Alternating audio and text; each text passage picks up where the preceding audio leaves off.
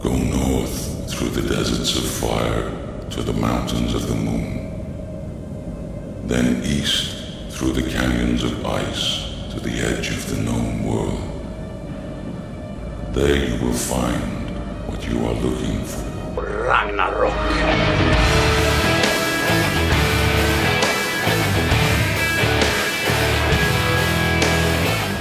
God kvöld og velkommen til Ragnarok og tvar tøymar vi Rotje og Tungmalme. Tver samrøver av skronni og i kvöld. Fyrst tåsa av vi klassisk larta klaverlagaran Vikram Shankar som saman vi svenska Tom Englund mannar dovojina Silent Skies. Englund er røntur rocktonlagare som et landa er kjentur ur som Evergrey og Redemption.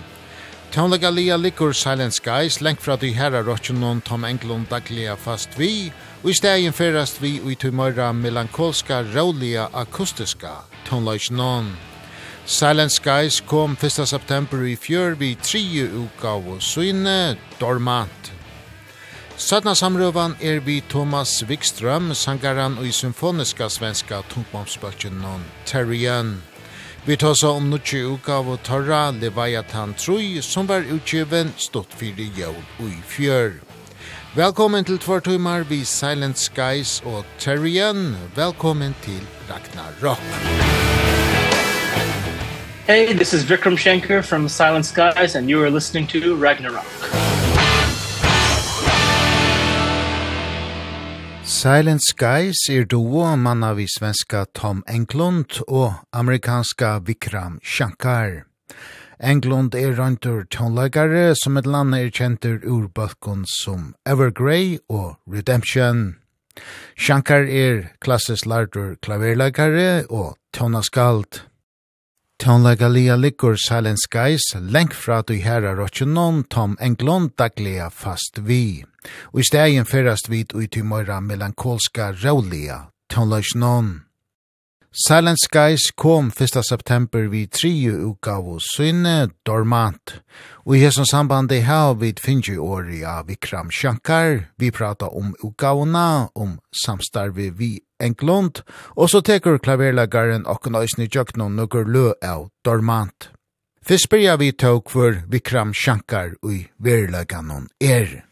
Well, I'm a lifelong musician. I've been, you know, studying and playing music my whole life. At this point, I'm mainly a composer and piano player. But, you know, I I do a lot of things in the in the metal world. I'm a keyboard player and a producer. And then in this world, which I guess is more of like a classical neoclassical world, I'm mainly a pianist and keyboard player.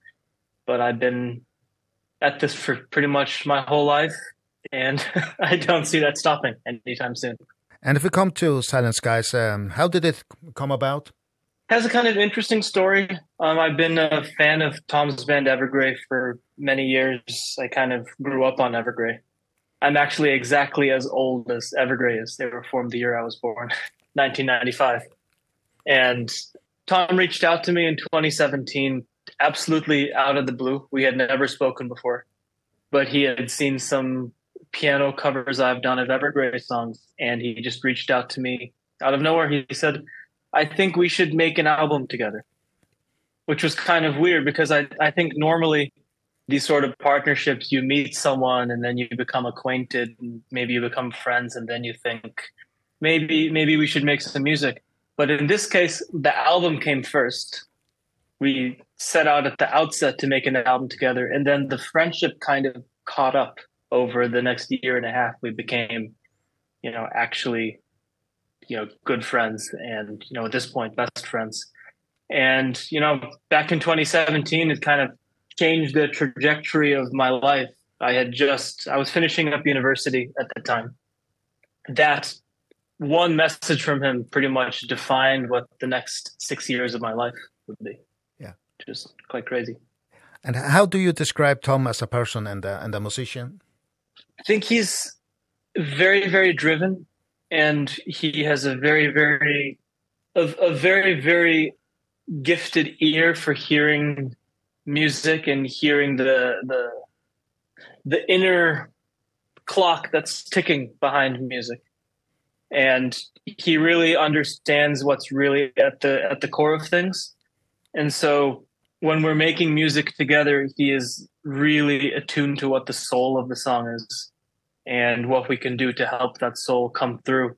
And he's a lot more than a mere singer. You know i mean no disrespect to singers but he's thinking about the whole picture and obviously he's a guitar player. I think he was a guitar player before he was a singer in evergrey.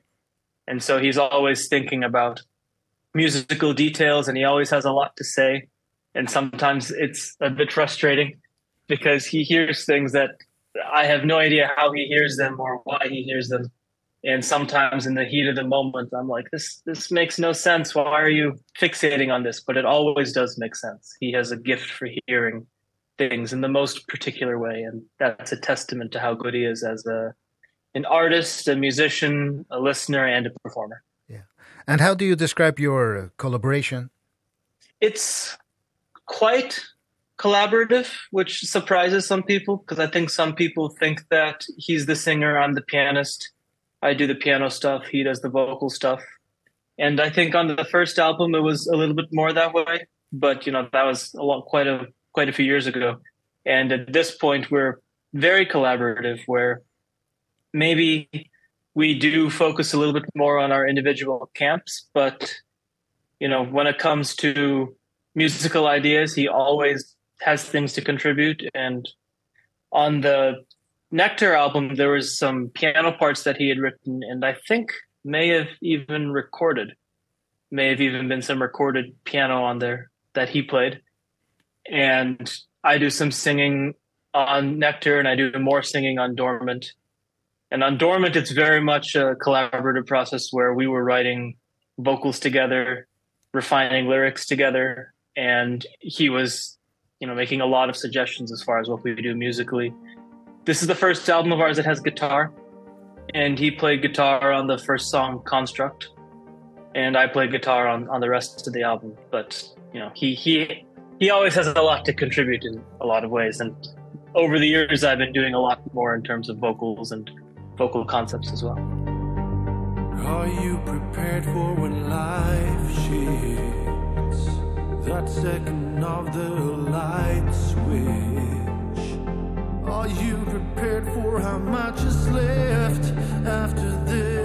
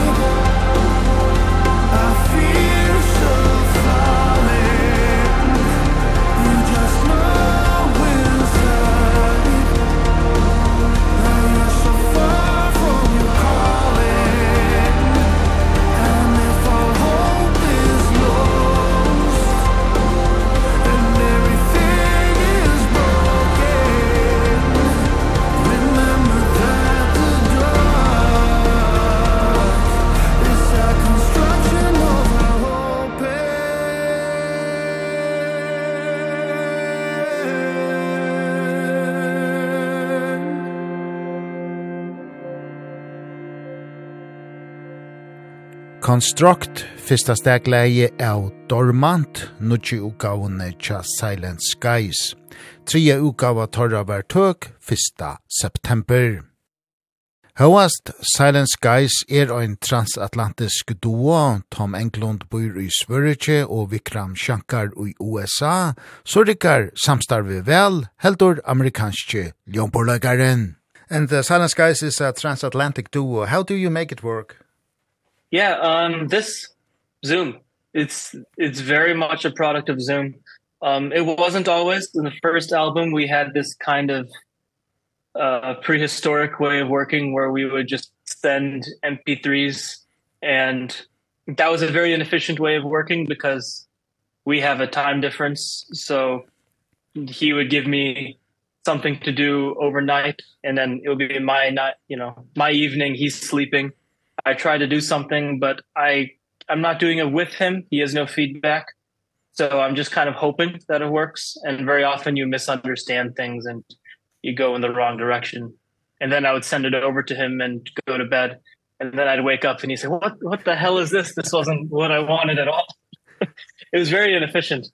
But at this point, you know, now that we've done Nectar and Dormant this way, we have this setup where we write together on Zoom where you know we have it set up so that we can hear each other's studio quality you know properly straight from our computers. And so in real time we can come up with ideas and refine them and make tweaks and additions. And that's particularly useful for vocals when we're tweaking you know lyrics and stuff. And also when it comes to arrangements where we say you know maybe add a add a 8 bar section here I can just do it in 30 seconds and he can hear it rather than, you know, I'll send you an email in 3 hours. So really thanks to Zoom it's tightened our working relationship and we're able to do stuff a lot faster than we were before. I don't know how we ever survived without it to be honest.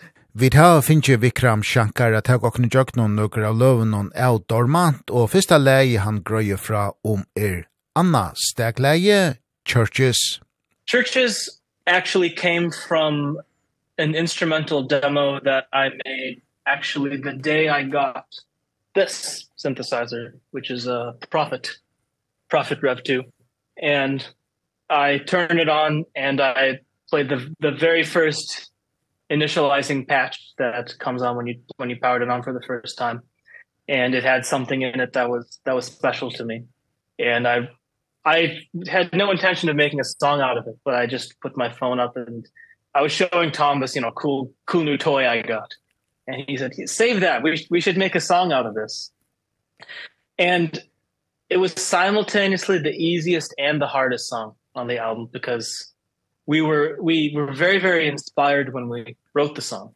And especially the chorus, I I very vividly remember sitting with him on Zoom you know sculpting these vocal melodies and I remember after it I was like wow this is this is the best chorus that either of us have ever been a part of. This this is so magical. And then for some reason at the end of the process it, it became very hard to finish the song properly because we realized that we had written a really really good synth pop song.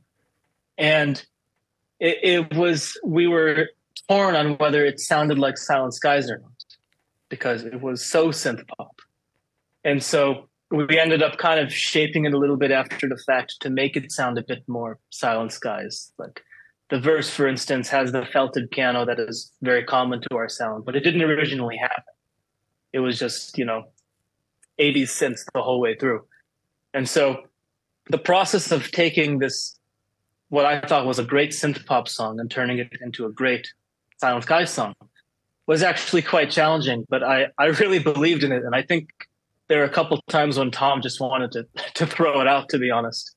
But I'm really happy that we didn't because it we were wondering if maybe people would find it too poppy. But you know, we released it and it no one has said it's too poppy. Even people who would say that everything we do is too poppy.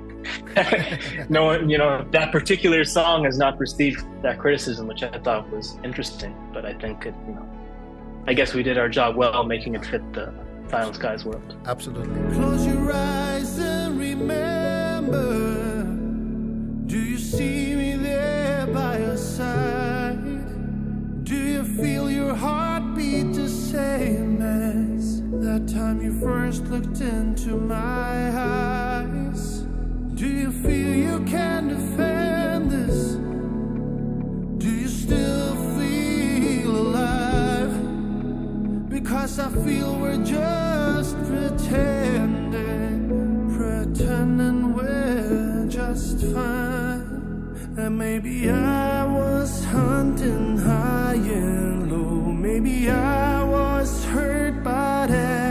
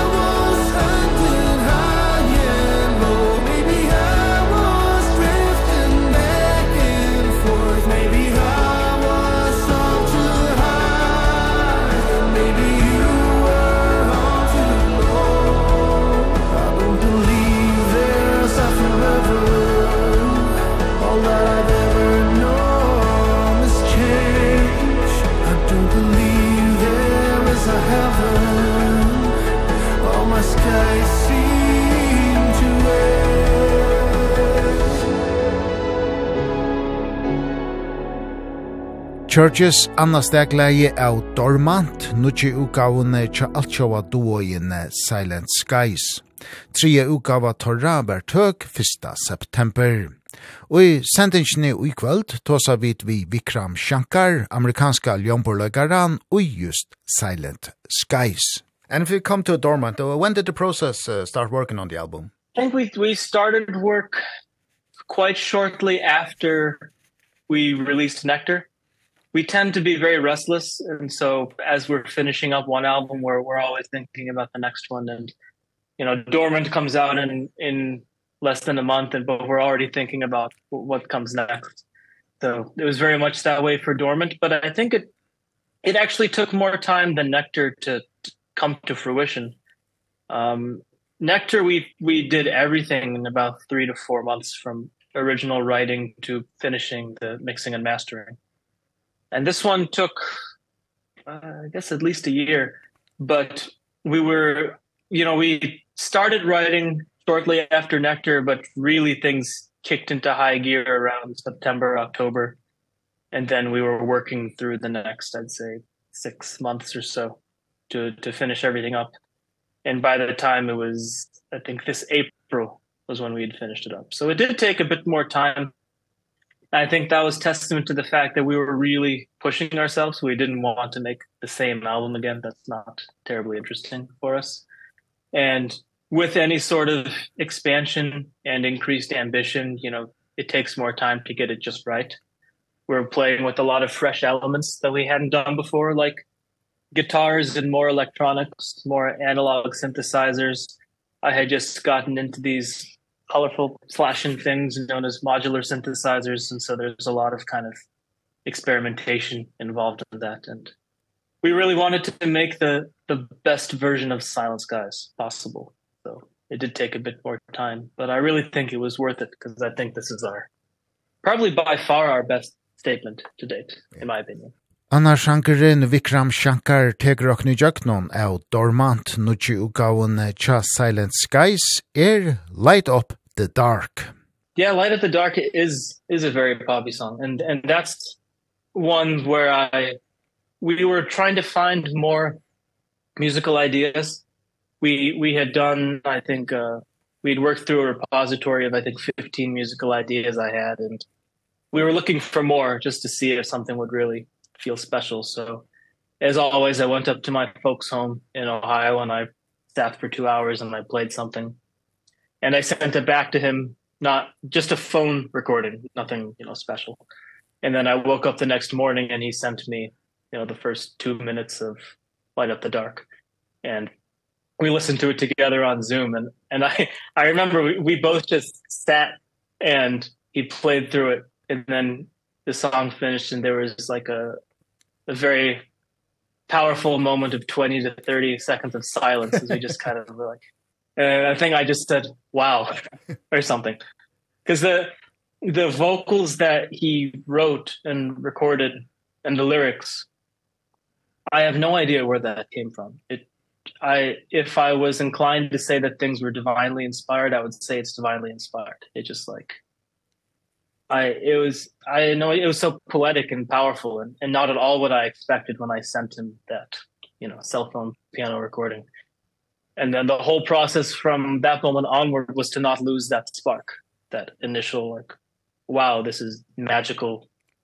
We didn't want to kill it. We didn't want to throw 7000 layers of tracks on it to just bury that emotional essence. It had to grow. It had to achieve its you know climax in a way but it, but we didn't want it to do so in a way that ruined that initial spark cuz I just I really felt there was something special there. And one one of my biggest regrets about this album process is that that wasn't a single. Yeah. you know, it's so hard to choose it's so hard to choose singles. And you know, you have to there are so many different people who have opinions from the labels and then you you promotional you know, publishing people you you ask all your artist friends and you ask 10 people they give 10 different choices for what the single should be yeah. so uh, i was very sad that light up the dark wasn't single because i think if it hit the right ears like it, i think it actually could have gone pretty far on even pop radio because it's it's so direct and so universal there are maybe some people who don't always relate to how bad we can be sometimes but I think I think nearly everyone can relate to the sentiments in that song. You light up the dark for me. Sometimes that is all that I need. Give life to my heart, it's you that I breathe. You light up the dark for me. You fight all my wars. days when I don't know to be. You hide all my scars so no one could see Who I am when I'm me If I met you much sooner Before life turned this dark you would have told me my heart would lead me. And then I would have known there was another way out. I was up in the mountains. Like so many times before. I was searching for someone. tell me to stop and come back to where life is. You light up the dark for me. Sometimes that is all that I need. Give life to my heart, it's you that I breathe. You light up the dark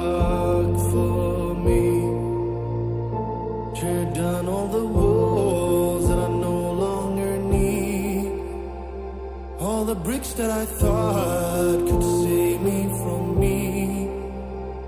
You put lights in my stars.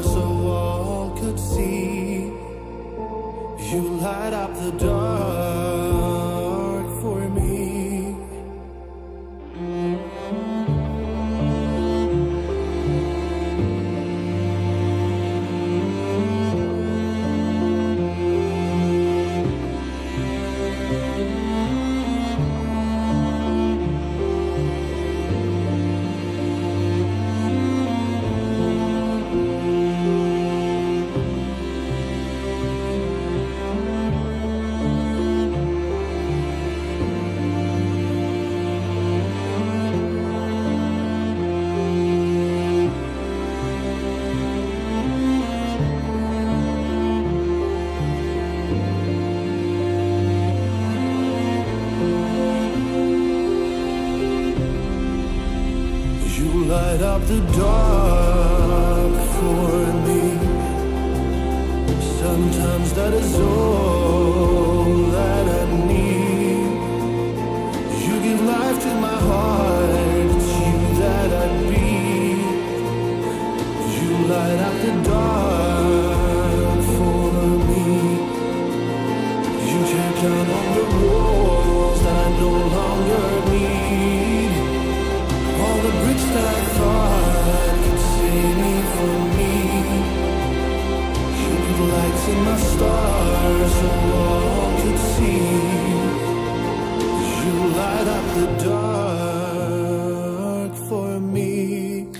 Light of the Dark var annars sjankeren Vikram Shankar tog og nu jöknon av nutje utgavene Tja Silent Skies.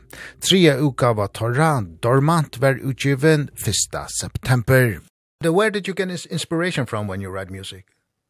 I think well, Tom and I may have different answers. He, you know, we both love nature walks, but that's a very very big part of his creative process. He I think he does at least 90 minutes of walking in nature a day you know he lives way out on the west coast of Sweden um right on the water uh between Sweden and Denmark and he walks that coastline all the time and you know he's he's very steeped in absorbing that into his creativity I live in North Carolina, USA, which is actually also quite picturesque. I have the mountains around me and everything. But for me, my inspiration mainly comes from instruments.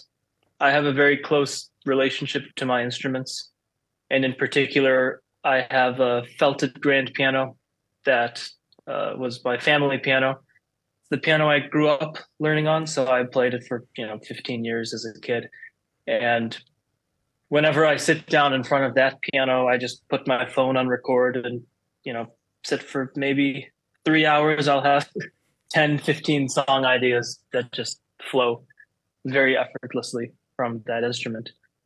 Um so for me it's all about getting in the right creative headspace and really allowing things to happen because you know we all have very chaotic lives and there's a lot of stuff happening in in all of our heads you know whether you're a creative or not. So it's very important to be able to press pause on all that and let the subconscious flow because that's where greatness is hidden i suppose. Yeah. And uh, lyrically, um, are there a, are a theme or, or a concept with the, with the lyrics? I think the the concept emerged as we were working, and I believe that when Tom starts writing vocals for Silent Skies, I don't believe that there's a a planned concept from the very beginning, you know, like a true concept album or rock opera kind of thing.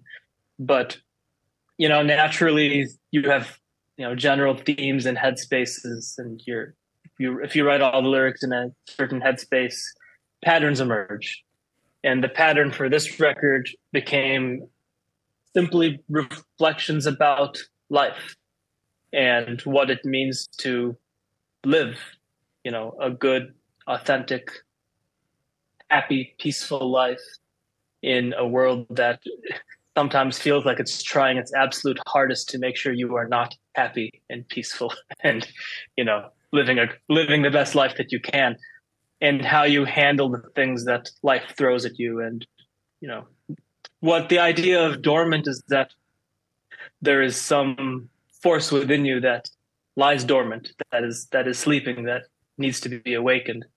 And so the the real idea of this album is how to how to get in touch with that how to understand what's really inside, what's making you tick, what's making you happy and excited and fulfilled and how to, you know, bring that to the surface, yeah. which is, you know, very difficult for all of us, maybe more difficult for some of us than others.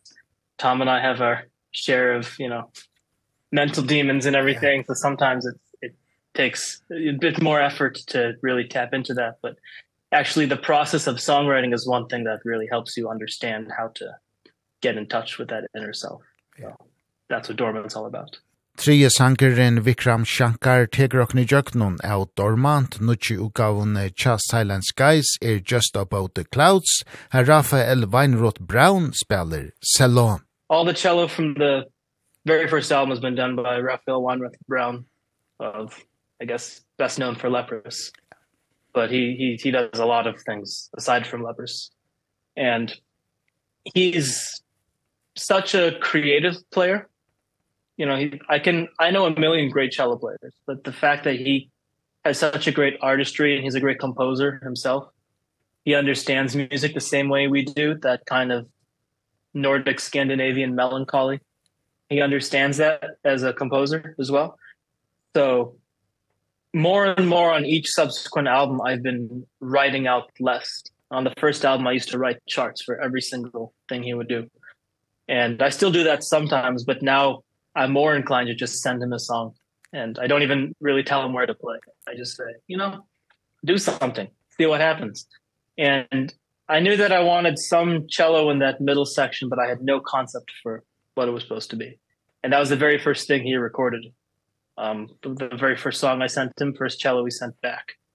And it's like it turned that song from what I thought was a good song into a great song instantly hearing that cello it's like all right now now now this is a hit you know? And that was a song that actually almost all of the music was done in one take in one improvisation like all at the same time. And it was using some stuff from here the modular system. And i just i was working with some loops and jamming in real time. And again one of those things where i didn't have any concept of it being a song. I was just exploring the instruments and trying to get in touch with what the instruments were trying to say. And one of the great things of being collaborative and working with another musician is that they hear things in your music that you don't. So I I didn't really think the demo was that special, you know. I loved the character of the instruments of the you know the synths that I was recording, but I didn't think the actual music was that special but then I really spoke to Tom and he turned turned it into something great. So that was one of the finest examples of that collaborative process and where one person can lift the other person up quite a bit. Dreaming of a sun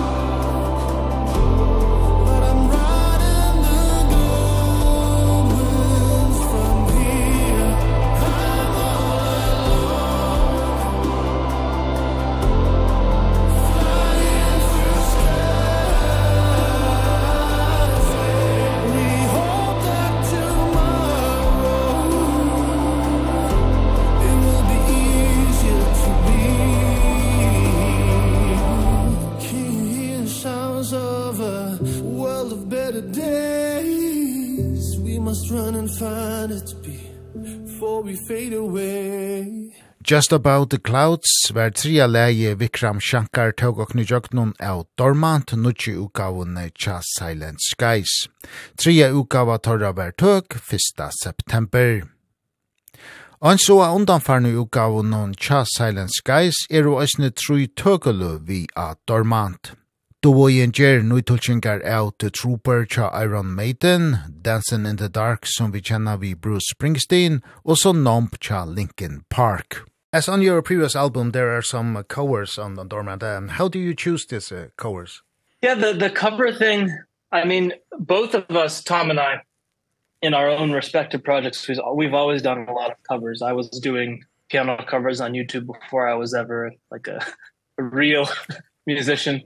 And Tom has done a lot of covers with Evergrey going, you know, way back 20 years or so. So we love doing covers both of us but it's very important for us to do covers that people wouldn't expect. And so by that i mean we're not terribly interested in doing a piano vocal cover of a song that's already a ballad you know? So you know we we would ask our fans for suggestions for songs to cover. And so many of them were saying you know songs that kind of already sound like us. But what's more interesting to us is to take a song, for instance, The Trooper, which is a song that in its original form sounds nothing like the way we've done it, you know, with the galloping guitars and Bruce Dickinson, you know, being so larger than life with his vocal. But we realized when we listened to it that there it's a really sad song. It is an incredibly sad song lyrically. And it just is wearing this set of clothes that sometimes maybe as a listener you don't you're not always in touch with just how sad it is because you're listening to Steve Harris's galloping bass and you know just how high energy it is. But underneath the surface it's very very sad. And that's the kind of song that interests us. The kind of song where we hear there's something at the core that that is very very you know emotional and poignant and powerful. And we want to bring that to the fore by dressing it in the way that we dress songs, which is a lot more, I suppose, naked and revealing. And whatever is at that emotional core just naturally, you know, shines a lot stronger because we're not covering it in 200 layers of guitars and you know things like that. You'll take my life but I take yours too. You'll fire a musket but I run you through. So when you're waiting for your next attack You'd better stand, there's no turning back. The bugle sounds, the charge begins. But on this battlefield, no one wins. The smell of acrid smoke and horse's breath. As a plunging into certain death. High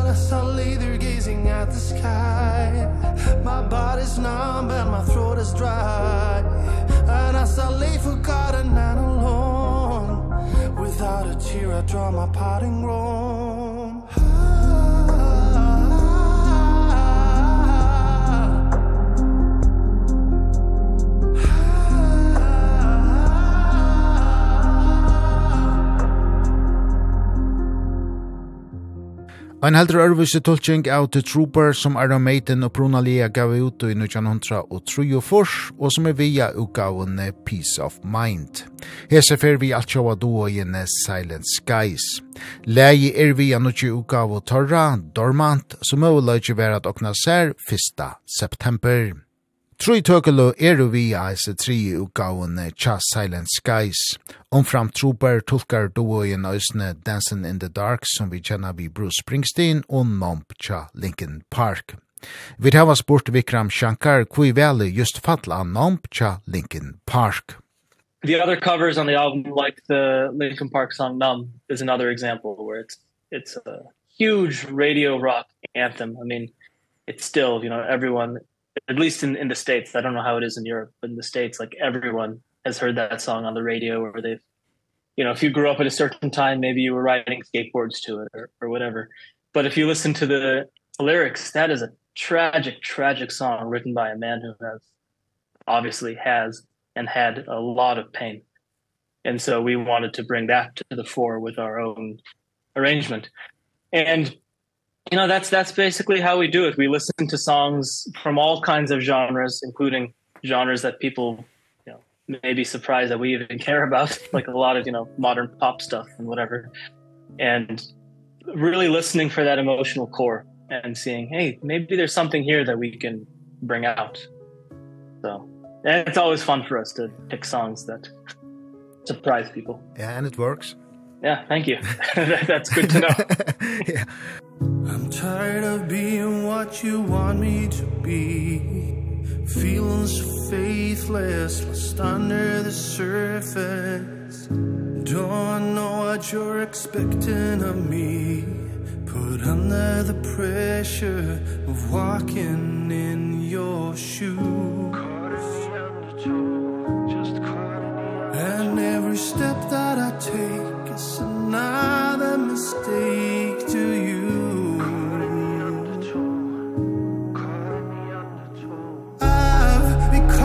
so numb I can feel you there. Become so tired so much more aware. I'm becoming this and all I want to do. Is be more like me and be less like you. Can't you see that you're smothering me? All unto tightly free. there you thought I would be Has fallen apart right in front of you. Every step that I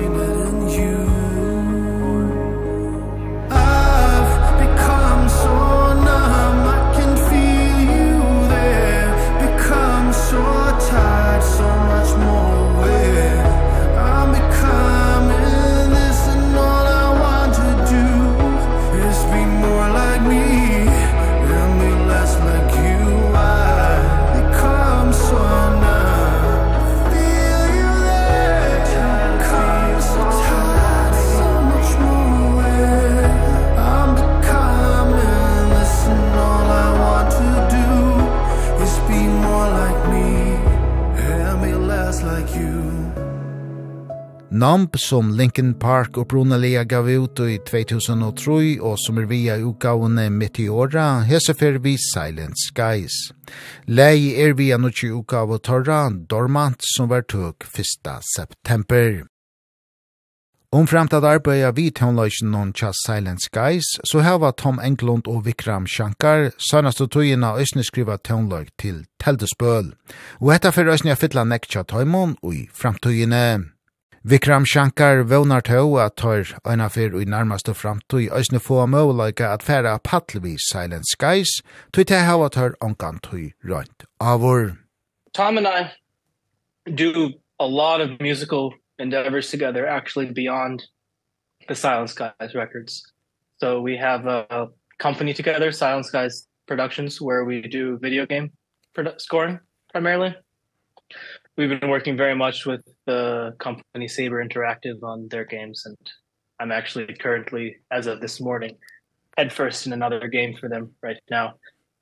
So, you know, we're always making music together and the great thing with the video game stuff is that it's completely different from what we do as Silence Guys, but you start experimenting with things because it's almost like a like a playground or like a playpen where you can just try things and then maybe you'll land upon something that you bring over into the Silent Skies album universe.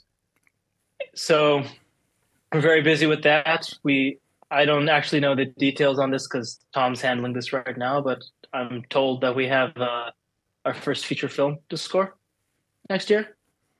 So I I know nothing about it at this stage, but you know, that's that's kind of the world that we're going into is taking what we do musically and applying it to visual media and you know exploring a completely different way of making music a different way of thinking about music that's not verse chorus verse chorus but instead thinking about serving you know the cinematic universe of whatever you're working with. But we're also working on our fourth album and I think our fifth album? I don't know. There's there's there's so much happening but aside from all of that, we also really wanted to play live because we've never played a live show. Oh. In you know, in our whole history of of working together, we've we've never played even you know a couple songs live for anybody. So you know, we we really really want to make that happen. It's just sometimes it can be a little difficult when you're both so busy with everything you do and then there's the geographical distance as well we can unfortunately no longer use the covid excuse oh. that was very useful for a couple of years to say well we can't play live because no one's playing live oh. but now everyone's playing live and we have to kind of catch yeah. up a little bit yeah. but definitely a hope for the next year for yeah. sure Sannaste sankerin Vikram Shankar tegur okni jöknun av Dormant nutji utgavun Cha Silent Skies er The Last on Earth. That's another um another one of these the, the the very much theme of writing this album was exploring gear. And a lot of the ways that songs start came from a particular sound that I was exploring. And for instance construct that opening synth was the day I got this. And um so for the last on earth there were these kind of evolving morphing sounds that that swirl around the ears as you listen. And all of those were generated from piano playing that I had done and I passed the piano recording through some very special modules on here and warped them played them backwards did this kind of like tape effect overlaying tape to create these collage sort of sounds. And that's that's how that song started and it actually existed as a one and a half minute snippet with one verse and one chorus and it existed that way for probably 6 to 8 months. And we just we just didn't didn't know where to go from there. And it's one of those times where it's good to wait because sometimes if you have that minute and a half song and you you're on a time crunch you'll just do something to finish it to get it to 4 minutes or so but it may not be the best solution. You're just doing it because you had to finish it but waiting as long as we did it took a very interesting turn where uh, maybe 2 minutes in or so the the guitars enter. And that was that was that's a very fresh moment for me in the kind of Silent Skies discography because it's one of the most kind of like rock guitar moments that we've ever done if not the most rock guitar moment and the and the drums come in as well. All of a sudden it turns into like a rock band feel which we've never really had before. But when I came up with the first part of the song 6 months ago, I would have never thought to do that. So, you know, it, it very much needed the time to to grow in, into what it did. And we chose to end the album with that because by that conclusion of the song, it's hinting at an expansion of the Silent Skies sound, which I think is a, a subtle clue to some things that we may do. I've started to change my ways. It came to me and all my senses changed. Relieved my heart from all pain. Showed me there's a light in the distance.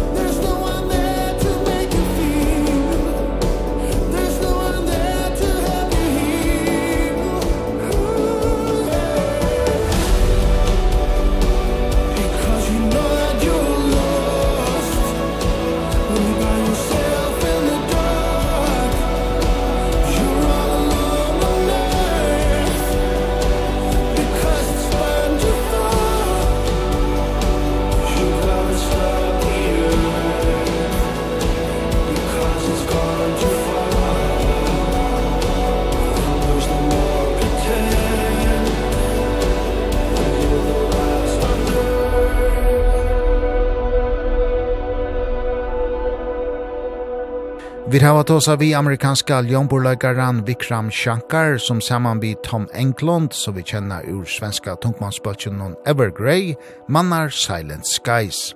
Og en doa som 1. september kom vi utgavene Dormant. Shankar tog okken oss ny jøkken og nøkker av løven og av seg tri utgavene Chas Silent Skies og nu til søgnast grøtjan fra om søgnast og The Last on Earth. Hallå allihopa! Det här är Thomas Wikström från Therion och ni lyssnar på Ragnarok. Det bästa programmet på Färöarna och i Danmark och i Norden. Iver 35 år er ulien søgjane Kristoffer Jonsson tøk sti til symfoniska tungmomsbølgen Terrian. Bøkkeren hever sera virkjen öll årene, og nu er det til røyarbi nøytjandi uka av oss søgne. Leviathan 3 var utgiven 15. desember. Som høyte sier, så er dette sønnaste parter av en trilogi. Og i samband vi nokje ukavna har vi finnje åri av sankaran Thomas Wikström. Han er parter av Terrien siden 2000 og. Som sagt, så er dette tre pastor av Leviathan, og Vikstrøm høyrer ein av Samon av som søneste parten noen, og Tammon Bavon undanför noen. Vad ska jag säga? Den är mer lekfull än de andra. Den tar ut svängarna lite mer. Och den är något mer progressiv skulle jag säga. Just på den här nummer tre då så har vi släppt tyglarna lite och inga regler så att säga. Och vissa av arrangemangen, jag kommer ihåg när vi gjorde körarrangemangen på de här, jag gjorde dem hemma här. Och kanalerna blev bara fler och fler och fler och fler. Det tog aldrig slut. Så att det är rätt det är rätt komplext på sina ställen. Men jag tycker fortfarande att det är tillgängligt om du förstår vad jag menar. Och vad den här processen var att här i inspelet alla de tre tre albumen samtidigt eller det var det en paus emellan? Jag och Kristoffer då, vi hade en konversation. Vi ska nog göra ett till album snart och si och så ja visst. Och då kom pandemin och total lockdown där vi där jag bor i Spanien. Och även där han bor i Malta så vi kunde inte vara tillsammans. Så att eh, vi började skriva då ja så man kan faktiskt göra det då jobba ihop med dat med dataprogram och grejer. Och började skriva då ihop. Det fanns inget annat att göra. Så vi jobbade 9 to 5 nästan varje dag. Och innan vi visste ordet av så hade vi så mycket låtar så att det ja det låg det var som en hög alltså. Och alla är väldigt olika stilar.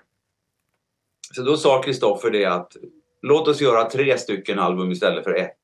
Och ja, varför inte? Så allt skrevs i samma era, i stort sett allting, 95 Allt skrevs då i samma veva så att säga under pandemin. Men de spelades in, ettan, tvåan, trean spelades in ganska så separat med ett års mellanrum skulle jag tippa på någonting sånt. In the free, they passed us through.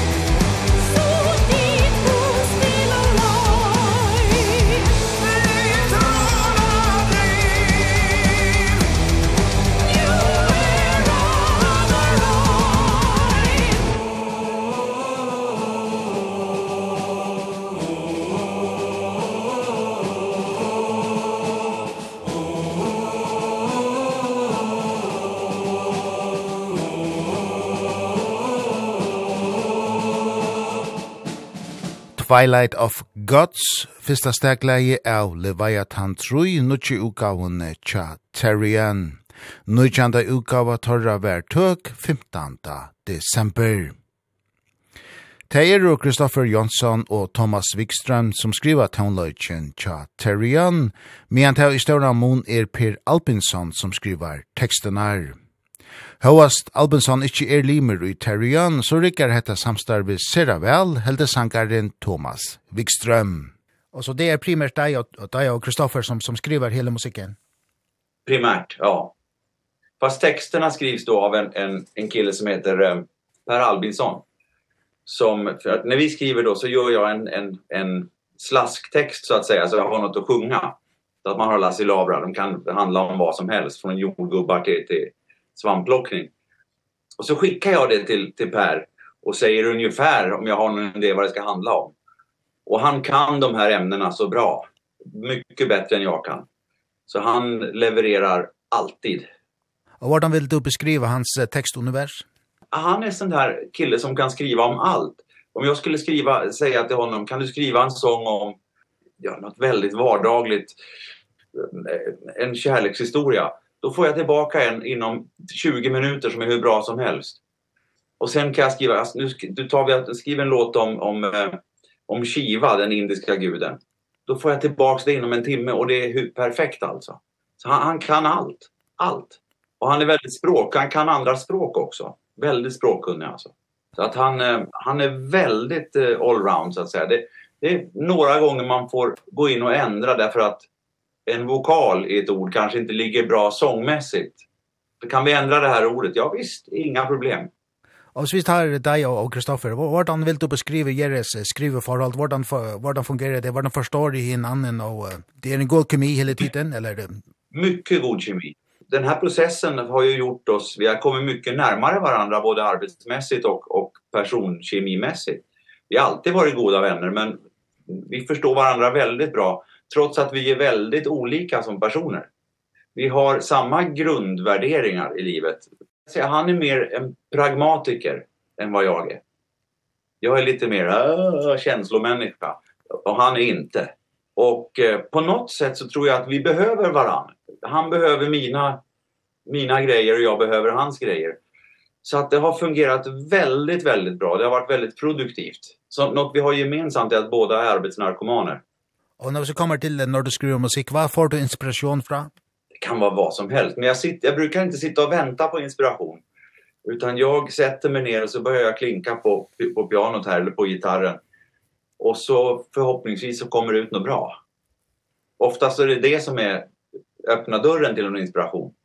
Men det är klart ibland så så kan det ju komma något som som som något man ser eller något man hör. Vi har en låt på senaste plattan som heter Duende Och den låten kom faktiskt till, jag satt här i studion och jobbade och eh, min flickvän satt och kollade på tv alldeles för högt. Och då var det något dokumentärprogram om flamenco. Jag tänkte, undra om man kan skriva någonting och ha det här som bas liksom. Så då skrev jag den låten. Och så skickade jag till Kristoffer, kan det här vara något? Han, ja det är ju skitballt, vilket heavy metal band gör sånt här liksom. Ja men då kör vi på det. Duende det är alltså eh ett en alltså iberisk mytologi kan man säga.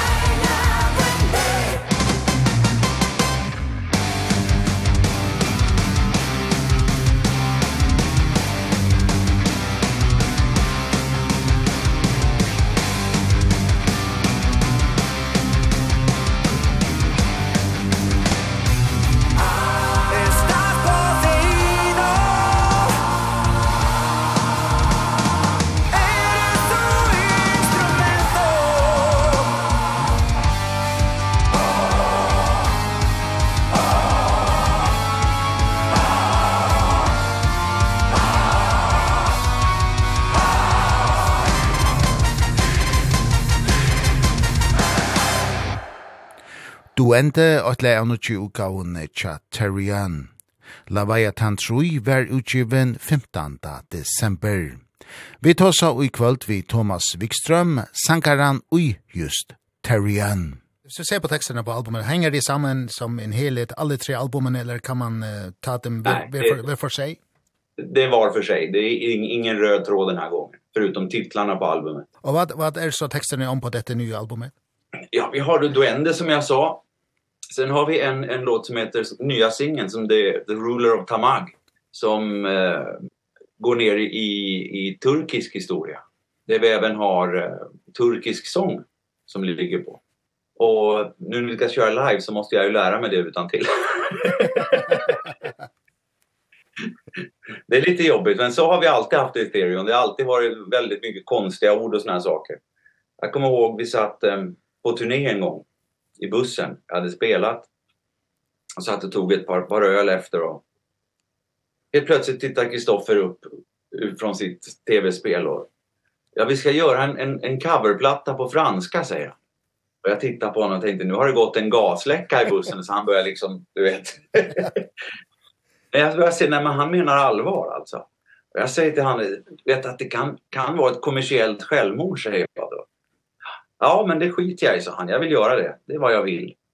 Och någonstans så måste jag beundra det för att han bryr sig verkligen inte om om om det går bra bara han får göra det han känner. Ja men okej, låt oss göra det då sa jag. Och det var den jävligaste process jag har varit med om någonsin. Jag pratar ju inte franska. Vi gjorde den här i studion och då satt jag då är det alltså en fransk tolk som hjälper mig med uttal i studion. Och du vet hon började väl hata mig antagligen efter ett tag. och jag har varit mer och mer irriterad för att det, det är väldigt svårt därför att mycket av det här franska uttalet kommer ur näsan. Och det är ju tvärtom vad jag har lärt mig liksom. Jag var, fick tänka om totalt, du vet. Men så kommer den här plattan i alla fall ut. Och det visar sig vara en av de större, större framgångarna i Ethereums släpp. Någonsin. Så jag, han hade rätt. Ja. Så den nästa gång det det måste kasta det och det färska språket. Det är oss som är speciellt. Bara färöiska nästa gång. ja.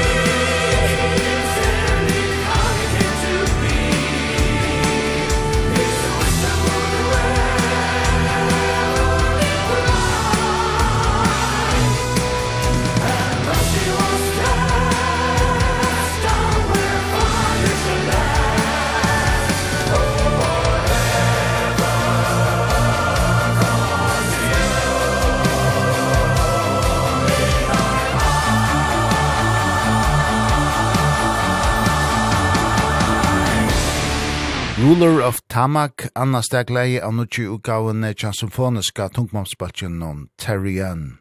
Nutjanda utgava Torra, Leviathan 3, var utgiven 15. desember. Limener ui Terrian byggva ui fløyri imson London og Hemsparton, og ta vær òsni eit hodj av få atlar opptøknar til Holtar og Miksavar, grøyesankaren Thomas Wikström fra. Alltså normalt så, så gör vi ju så mycket som möjligt tillsammans. Men den här gången har inte det gått på grund av hur världsläget har varit så att säga. Så att hela de här de här plattorna är inspelade i jag tror åtta eller nio olika länder. Jag och Rosa har spelat in sången här i Spanien till exempel. Plus att vi har gjort väldigt mycket körarbete här också. Jag har plockat in spansk lite spanska sångare för att hjälpa till här. De är väldigt duktiga. Sen har det spelats in på Malta, det har gjorts sång i Tyskland, i Sverige och den, den mesta delen av kören är inspelad i Israel faktiskt. Av ett en kör som heter Hellscore som är en klassisk kör men de jobbar väldigt mycket med med rockband och pop också. De har gjort ett jättejobb. Så det är ett stort arbete att få få samla det hela när när det ska Ja, det är det verkligen. Och våran gitarrist är från Argentina så han gjorde de flesta solorna där. Att det är multikulti sitt bästa exempel. Vi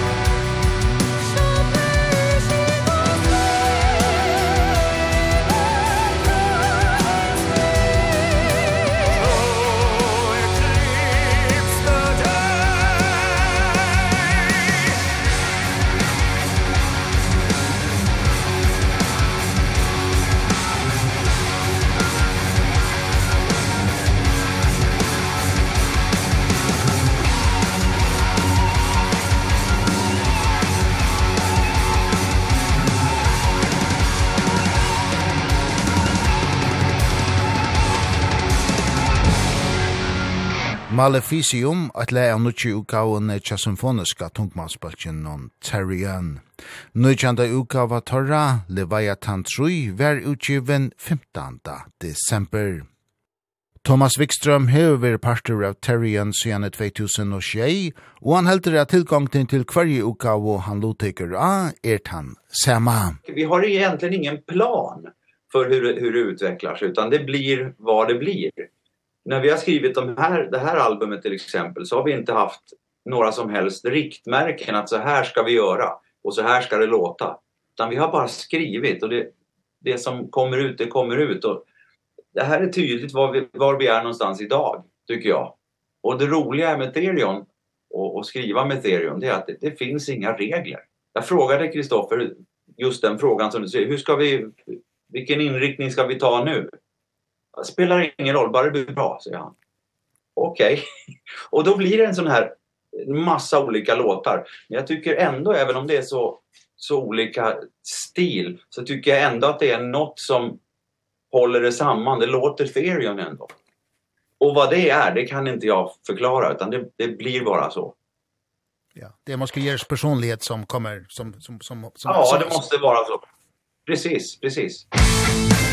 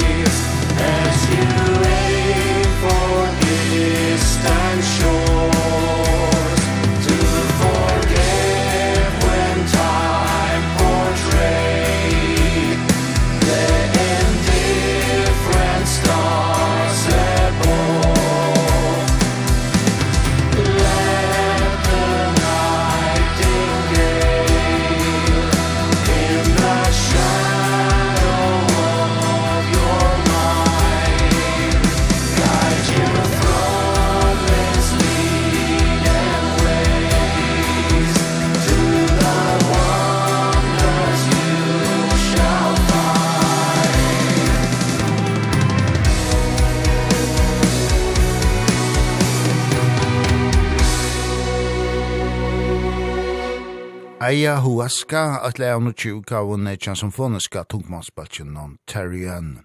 Nøytjanda uka var torra Leviathan trui hver tøk 15. desember. Seinast i januar skulle tei i Terrian til Mexico, her en stor konsert saman vi symfoniorkestri Era Skronne. Og ta gleder sjankaren Thomas Wikström, sysjolvande nekv til. Det ska bli otroligt kul alltså.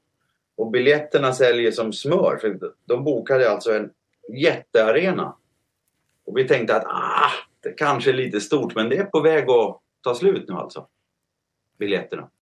Det är alltid en utmaning att föra samman ett rockband och en, en symfoniorkester. Ja, och vardan föregår det? Vardan, var, var, länge för ett, ett, ett, spelar i samman? Ja, vi åker ner, vi åker ner drygt en vecka innan och, och repar stenhårt tillsammans innan vi går på. Och då måste det låta bra. Det finns inga alternativ. Det ska bli tydligen bli något spektakulärt scenbygge också som sånt måste man också kolla var man ska gå och stå någonstans. Så det är inte bara det musikaliska liksom. Konceptet ska hålla upp hela vägen. Absolut. Absolut. Om det kommer jag vet inte om vi kommer köra med pyro den här gången. Också pyroteknik. Och också det är en stor säkerhetsgrej som man inte går mitt i mitt i eldslågan som kommer liksom. Och så efter efter Mexico show det kan vi förvänta seger här i Europa till sommers, eller Ja, det är precis vad som är tanken. Eh Europa, kanske Kina. Så men eh, absolut. Vi kommer komma hem från från från Mexiko där och våran plan är att starta Europa-turné ganska direkt efter. Och sen så kör vi på tills eh, tills ingen vill ha oss mer. ja ja. Ja.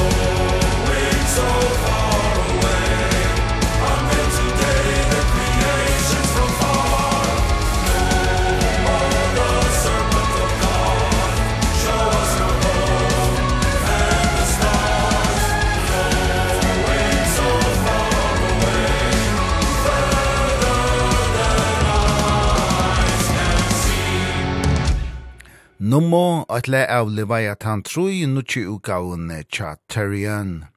Nutjanda ugaua torra vertøk 15. desember. Sangaren ui Terrian Thomas Wikström er en ekvelia umbyen tonløygare og framløyare, og han hefur mittel anna vere sangare ui Candlemass, Stormwind, Brazen Abbott og Dark Illusion. Og han hefur i løtni i Øysni Fløyre verskatlaner køyrande vi suginar av Terrian. Alltså jag har jag jobbar ju mycket åt andra här i studion. Och eh, det kan vara allt från från pop till till metal som kommer in. Och jag gör ofta deras körarrangemang och såna här saker då. Det är så jag betalar min hyra. Men eh, ja och sånt. Och sen så har jag ett litet sidoprojekt som heter Alena som är ett visprojekt på svenska. Som som jag är väldigt glad i alltså. Väldigt kul alltså även där så har jag använt har vi använt oss av eh, Per som skriver texten till Ethereum. Här får han visa en helt annan sida. Ja, det är den svenska visetradition som kommer till sin rätt där eller? Ja, och det är något jag har upptäckt på senare år att det är ganska häftigt. Det är kul att jobba med. Man be får berätta mer än man får sjunga och det, det jag tycker det är kul. Och vi har också gjort precis som som vi gjorde med Ethereum. Vi har suttit i olika olika länder och jobbat. Det är jag Per då Och så en kille som, han heter faktiskt Paris. Eh, vi tre har jobbat med det här. Nästa projekt jag har framför mig faktiskt är väldigt lustigt. Jag har fått förfrågan av en konståkerska att skriva musik till hennes konståkningsprogram. Och jag är sån, jag hoppar gärna på sånt som jag inte har en aning om hur man ska göra. så det kan jag ta tag i här nästa vecka ska jag börja med det. Jag måste ju, först måste jag se hur hon åker och vad hon vill ha. Och och försöka ut efter det. Och så har man ju en tidsbegränsning. Det måste det jag har förstått de här programmen håller sig inom en och en halv minut eller något sånt där. Så att that's it. Men det är kul. Såna små jag, jag gillar såna här specialgrejer ja, ja. att få göra. Man blir så utvecklat av det. Jag prövar något helt annat. Ja, precis. Och sen har jag också eh fått med en låt i en film som heter eh, Black Hills som kommer ut nu i december tror jag. Det har fått uh, I made a title track. Titeltrack, vad fan heter det? Titelspåret. Ja. Jag gjorde en Dolph Lundgren där, jag glömde mitt språk. Pappa Lägg handen här Mot den du är Känner du Jag är där Pappa Ett hjärta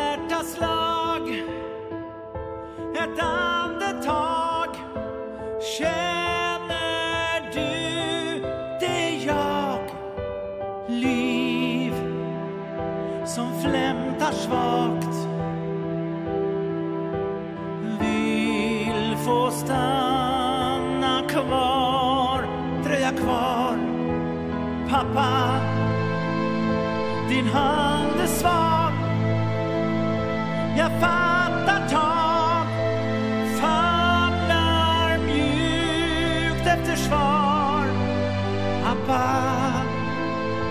den tid vi får.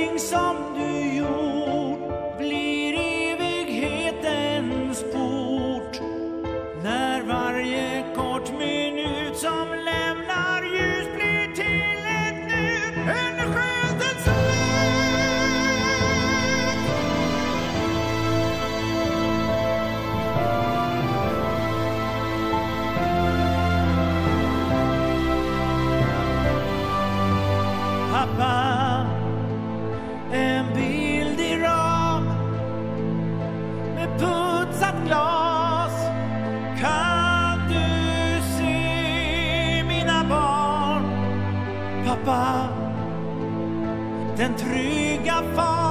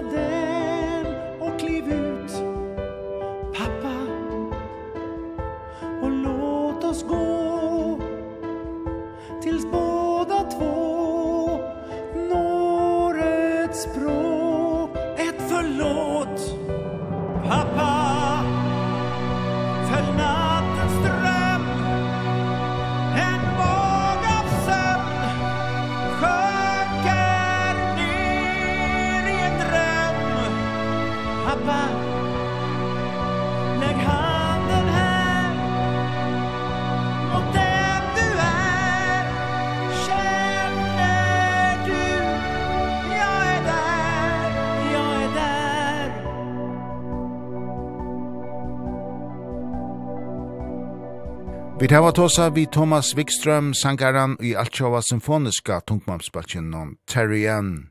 Vi tåsa vi om nutje utgavuna Tja Terrian, Leviathan 3, som var utgiven 15. desember. Wikström grødde i øsne fra Ørenverskatlanon, han er pastor av, middelen anna Alaina, som 26. oktober kom vi debutugavu syne, økum blikk. Og vi enda vi anna lea vi just Alaina, nevnenlige pappa. Om du hever onkra vimerking, etla vil vita mer om sendingsina, er møleitje er for en av Facebook-bultjen tja Ragnarok. Her finner du playlistar og anna tilfær. Møleitje er røstnja tøyre hesa og undanfarnar sendingar av heimasui okkara, kvf.fo, framskak Ragnarok. Ragnarok er atras gronni om eina viko vi samrøvun og nudjon. Tønleitje.